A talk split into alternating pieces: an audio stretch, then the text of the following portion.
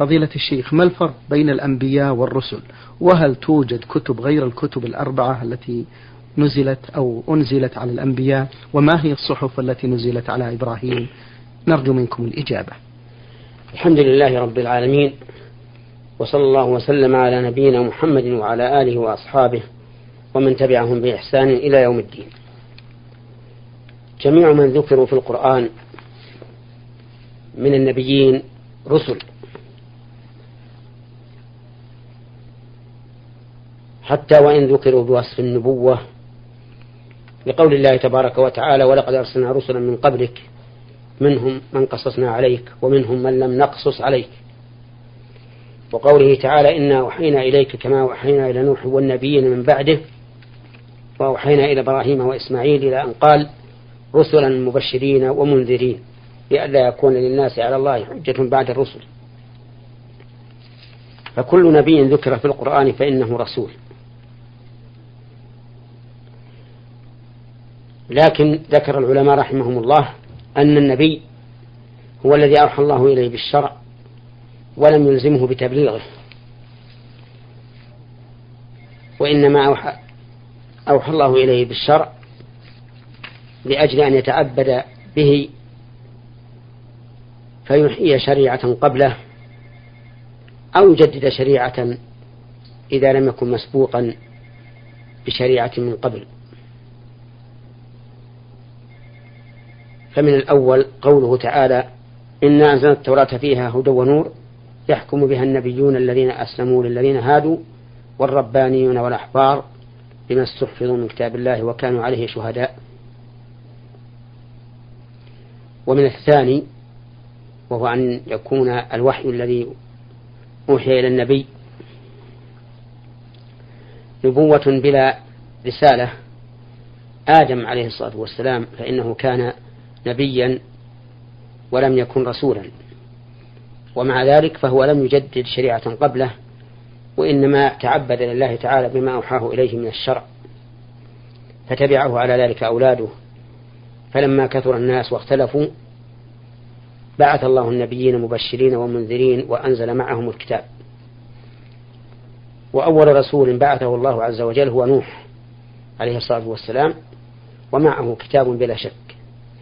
وآخرهم آخر الرسل والأنبياء محمد صلى الله عليه وعلى آله وسلم. فكل رسول معه كتاب ولكننا لا نعلم من الكتب السابقة إلا التوراة والإنجيل والزبور وصحف إبراهيم وصحف موسى. وقد اختلف العلماء في صحف موسى هل هي التوراة أو غيرها؟ والله أعلم. هذا هو جواب السؤال. نعم. بارك الله فيكم. هذا السائل أحمد حسين يقول إذا سئل المسلم عن شيء يعلمه من أمور الدين وهو ليس متفقها في الدين فهل يجب عليه أن يخبره بهذا الشيء؟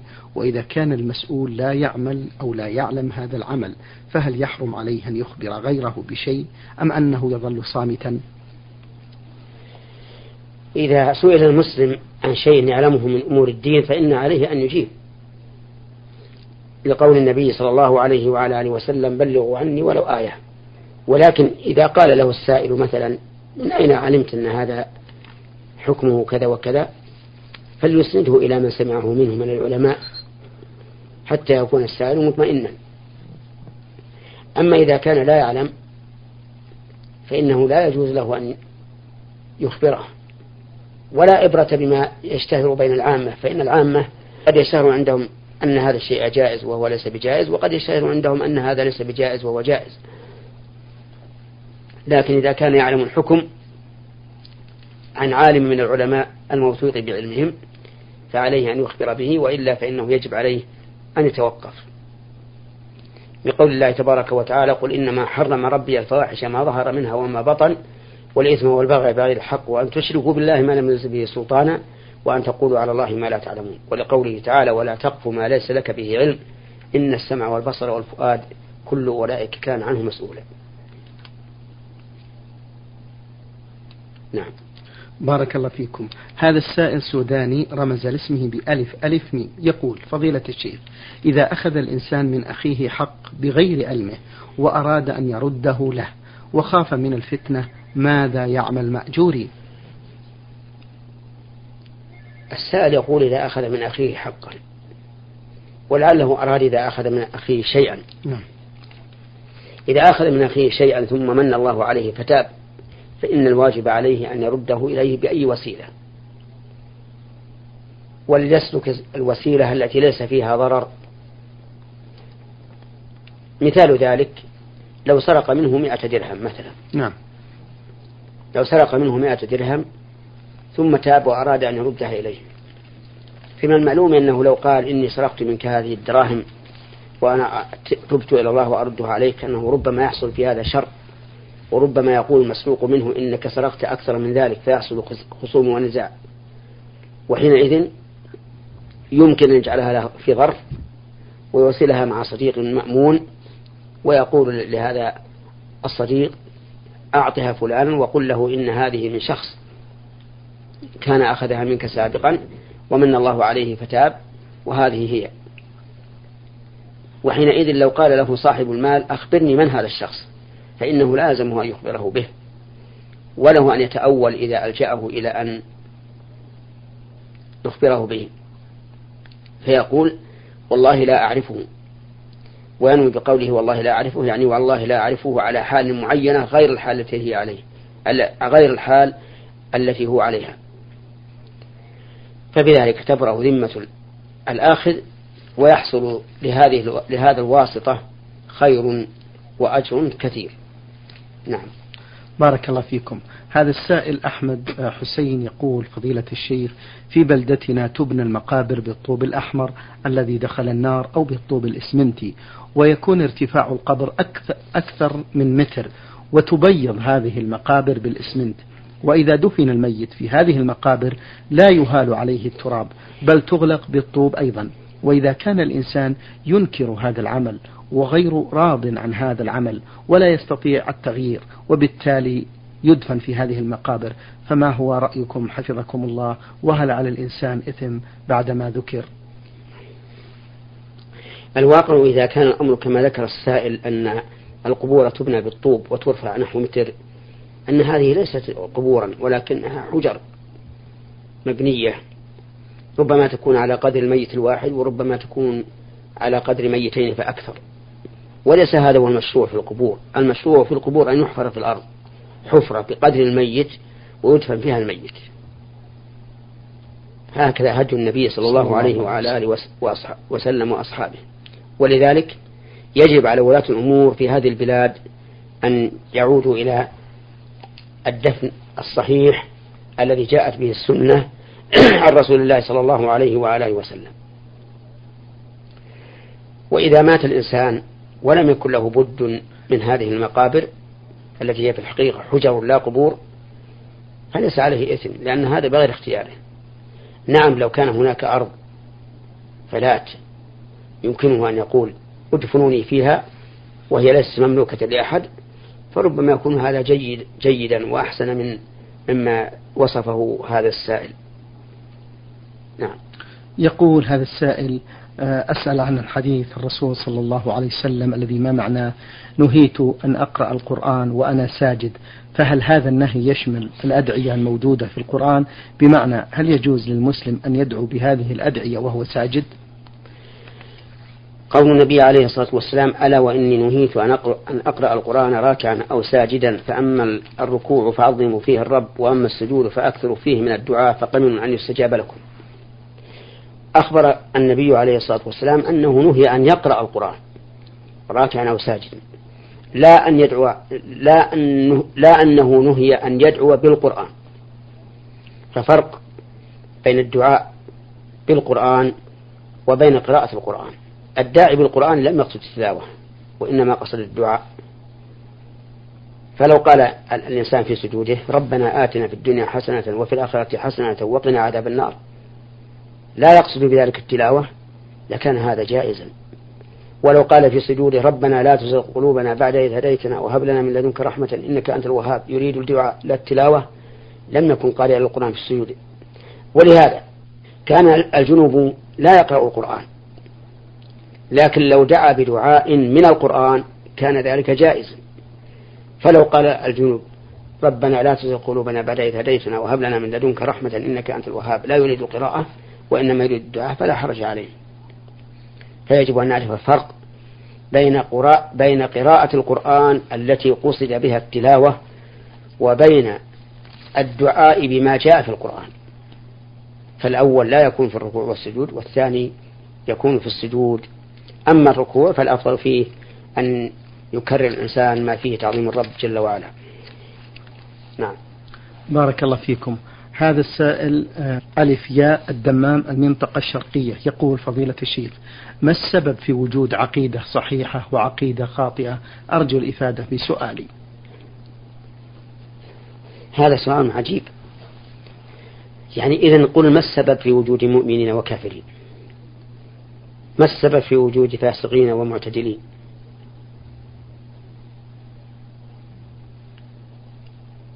ونقول السبب في ذلك أن هذه حكمة الله عز وجل. الله كما قال تعالى هو الذي خلقكم فمنكم كافر ومنكم مؤمن. وقال تعالى ولو شاء ربك لجعل الناس أمة واحدة أي على دين واحد وعقيدة واحدة لكن ولا يزالون مختلفين إلا من رحم ربه ولذلك خلقهم. ولولا هذا الاختلاف لكان خلق الجنة والنار عبثا لأن النار تحتاج إلى أهل والجنة تحتاج إلى أهل فلا بد من الاختلاف لكن ينبغي أن يقول ما هو الضابط في العقيدة الصحيحة وفي العقيدة الفاسدة وجوابنا على هذا أن نقول نعم. ما كان موافقا لما عليه النبي صلى الله عليه وعلى آله وسلم وأصحابه فهو عقيدة صحيحة. وما كان مخالفا لهم فهو عقيدة فاسدة. وكذلك يقال في الأعمال البدنية ما كان موافقا لما كان عليه النبي صلى الله عليه وعلى آله وسلم وأصحابه فهو عمل صالح. وما لم يكن كذلك فهو عمل فاسد. وهذا هو الذي ينبغي أن نسأل عنه وينبغي أن نبحث هل نحن في عقيدتنا هل نحن في أعمالنا موافقون لما كان عليه النبي صلى الله عليه وعلى آله وسلم وأصحابه أم مخالفون؟ نعم. بارك الله فيكم. له سؤال ثاني يقول فضيلة الشيخ هل يشفع الابن الصالح لوالديه في الآخرة؟ يشفع. أه. الابن الصالح أو الولد الصالح لوالديه في الآخرة وكيف؟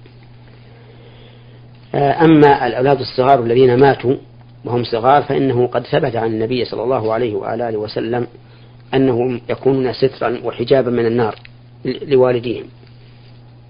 وأما البالغون فيشفعون لآبائهم في الحال التي يؤذن لهم فيها. ومن الشفاعة الدعاء للميت فإن الدعاء للميت شفاعة له. لقول النبي صلى الله عليه وعلى آله وسلم ما من رجل مسلم يموت فيقوم على جنازته أربعون رجلا لا يشركون بالله شيئا إلا شفعهم الله فيه. وهذا يدل على أن الدعاء للغير شفاعة له. ومن ثم قال رسول الله صلى الله عليه وعلى آله وسلم إذا مات الإنسان انقطع عمله إلا من ثلاثة إلا من صدقة جارية أو علم ينتفع به أو ولد صالح يدعو له. فذكر الدعاء لأن الدعاء شفاعة للمدعو له. فنحث إخواننا على كثرة الدعاء لوالديهم أحياء أم أمواتا. لأن ذلك طريق الأولاد الصالحين الذين امتثلوا قول الله تعالى واخفض لهما جناح الذل من الرحمة وقل رب ارحمهما كما ربياني صغيرا. نعم. بارك الله فيكم. هذا السؤال عبد الغني. هناك شخص أقرض شخصا آخر مبلغا من المال ومضى عليه عدة سنوات ولم يتمكن هذا الشخص الذي اقترض المبلغ من تسديده فهل يجوز لصاحب المبلغ أن يحتسبه من الزكاة التي يقوم بدفعها؟ وذلك كل عام عن المال الذي عنده أفيدوني مأجوري؟ لا يجوز للإنسان أن يسقط الدين عن الفقير ويحتسبه من الزكاة. لأن الزكاة أخذ وإعطاء. قال الله تعالى خذ من أموالهم صدقة. وقال الله تعالى وأقيموا الصلاة وآتوا الزكاة. فلا بد من أخذ وإعطاء. والإبراء من الدين ليس أخذا ولا إعطاء. ولأن الدين بالنسبة للعين كالرديء مع الطيب. فإن الأموال التي بيدك تتصرف فيها كما شئت ليست كالديون التي في ذمم الناس. فإذا جعلت الديون التي في ذمم الناس عن زكاة زكاة عن المال الذي في يدك صرت كأنك أخرجت رديئا عن طيب. وقد قال الله تبارك وتعالى يا أيها الذين آمنوا أنفقوا من طيبات ما كسبتم ومما أخرجنا لكم من الأرض ولا تيمموا الخبيث منه تنفقون ولستم بآخره إلا أن تغمضوا فيه. ومن المعلوم أن الناس يفرقون فيما لو كان على الإنسان طلب لشخص نعم. فأعطاه من ماله نقدا أو أحاله على شخص فقير. كل يعرف الفرق. فهو يأخذ منك النقد لكن لو لا يقبل منك أن تحيله على فقير.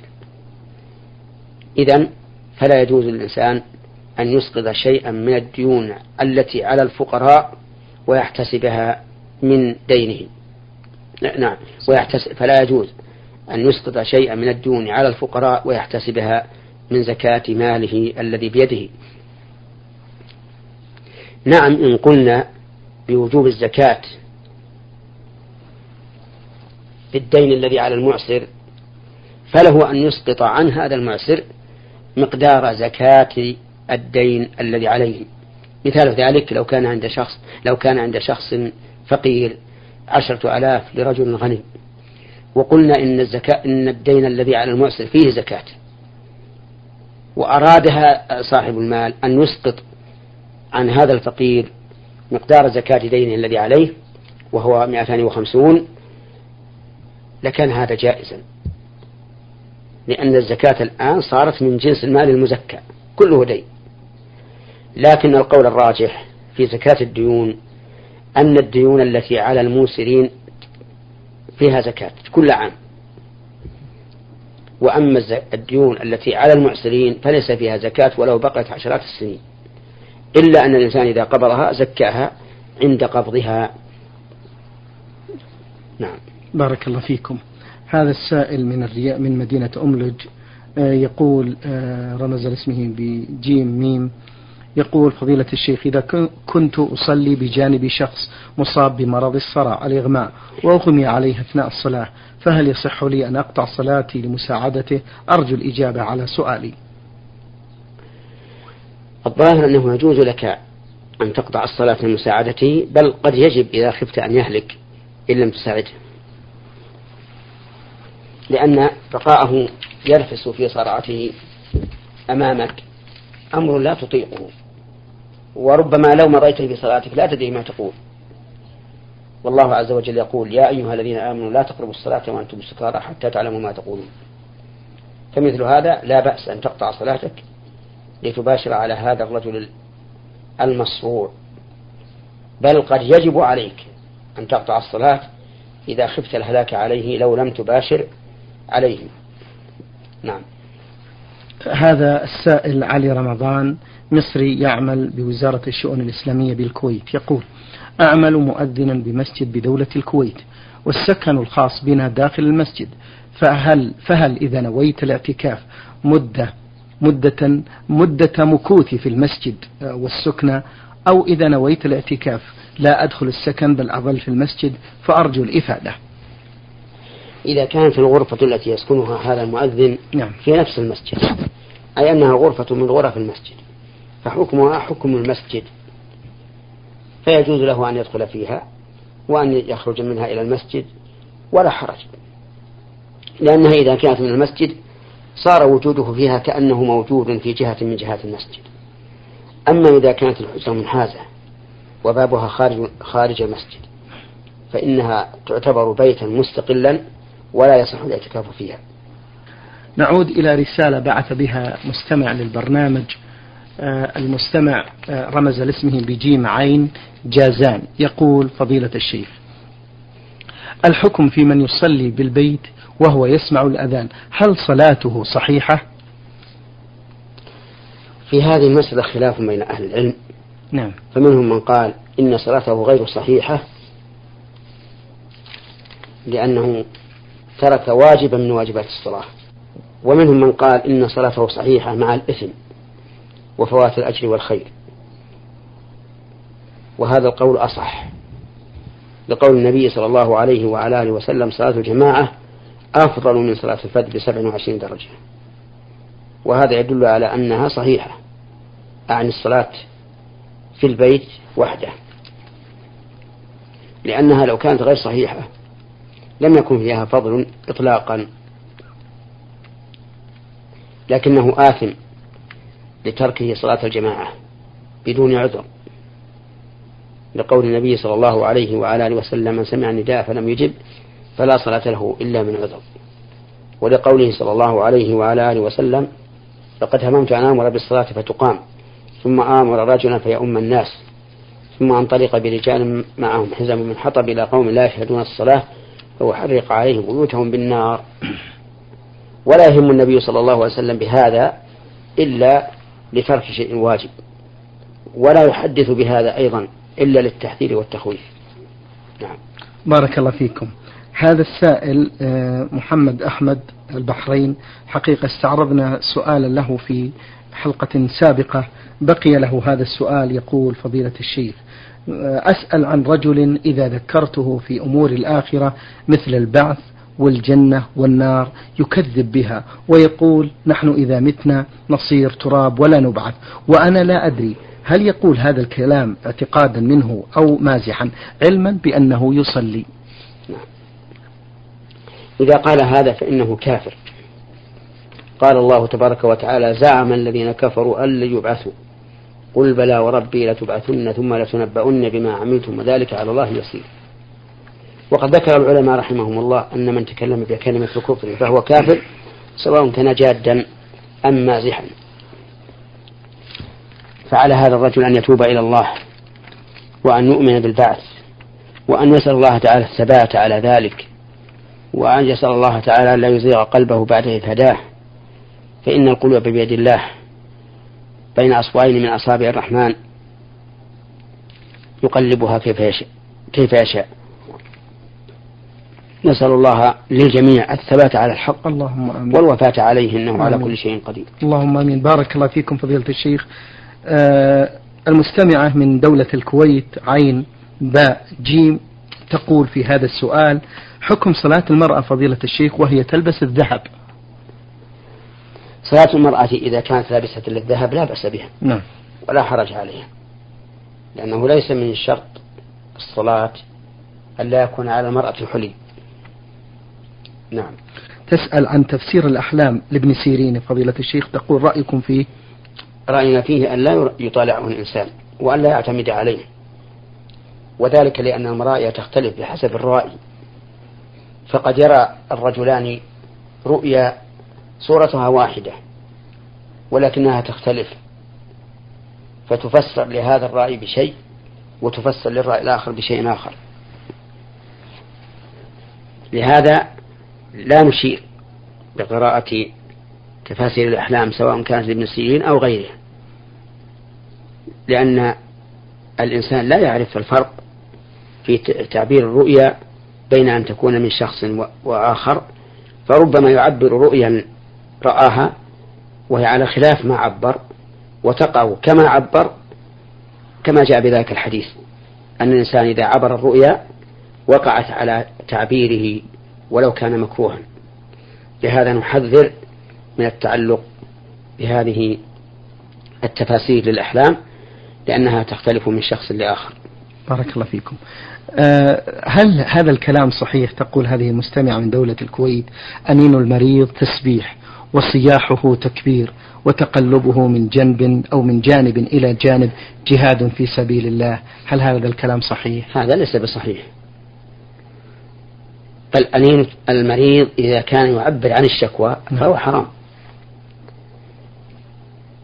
ولهذا دخل رجل على, على الإمام أحمد رحمه الله وهو في مرضه فوجده يئن. الله. فقال له إن فلانا من التابعين وأظنه طاووسا يقول إن أنين المريض يكتب عليه. لقوله تعالى ما يلفظ من قول إلا لديه رقيب عتيد. فأمسك رضي الله عنه عن الإمام أحمد أمسك عن الأنين.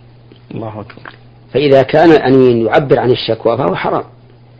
وإذا كان آه، بمقتضى الطبيعة وشدة المرض فإنه لا يؤاخذ عليه الإنسان. لكنه لا يؤجر عليه. وكذلك تقلبه من جنب إلى جنب فإنه ليس ليس في فيه أجر. نعم إذا كان في ذلك راحة لبدنه فإن الإنسان يؤجر عليه من أجل طلب الراحة لبدنه لأن طلب الإنسان الراحة لبدنه أمر يثاب عليه. حتى جاء عن النبي صلى الله عليه وسلم أن الرجل إذا أكل من ماله يبتغي بذلك وجه الله فإنه يؤجر ويكون أكله هو من ماله صدقة. نعم. نختم هذا اللقاء فضيلة الشيخ بهذه الفقرة الأخيرة في هذا اللقاء الطيب المبارك آه، للمستمعة من دولة الكويت عين باجيم تقول عشر آه، ذي الحجة هل تصام جميعها من غير العاشر وهو يوم العيد؟ نعم. تصام العشر من, من واحد ذي الحجة إلى التاسع. والتاسع ختامها وهو يوم عرفة. إذا صامه الإنسان فقد قال النبي عليه الصلاة والسلام أحتسب على الله أن يكفر السنة التي قبله والسنة التي بعده. وهذا لغير الحاج. فأما الحاج فلا يسن له أن يصوم يوم عرفة في عرفة. وإنما قيل لها عشر ذي الحجة مع أنها تسع من باب التغليب. من باب التغليب. نعم. شكر الله لكم يا فضيلة الشيخ وبارك الله فيكم وفي علمكم ونفع بكم المسلمين. أيها الإخوة الأحباب أيها الإخوة المستمعون الكرام أجاب على أسئلتكم فضيلة الشيخ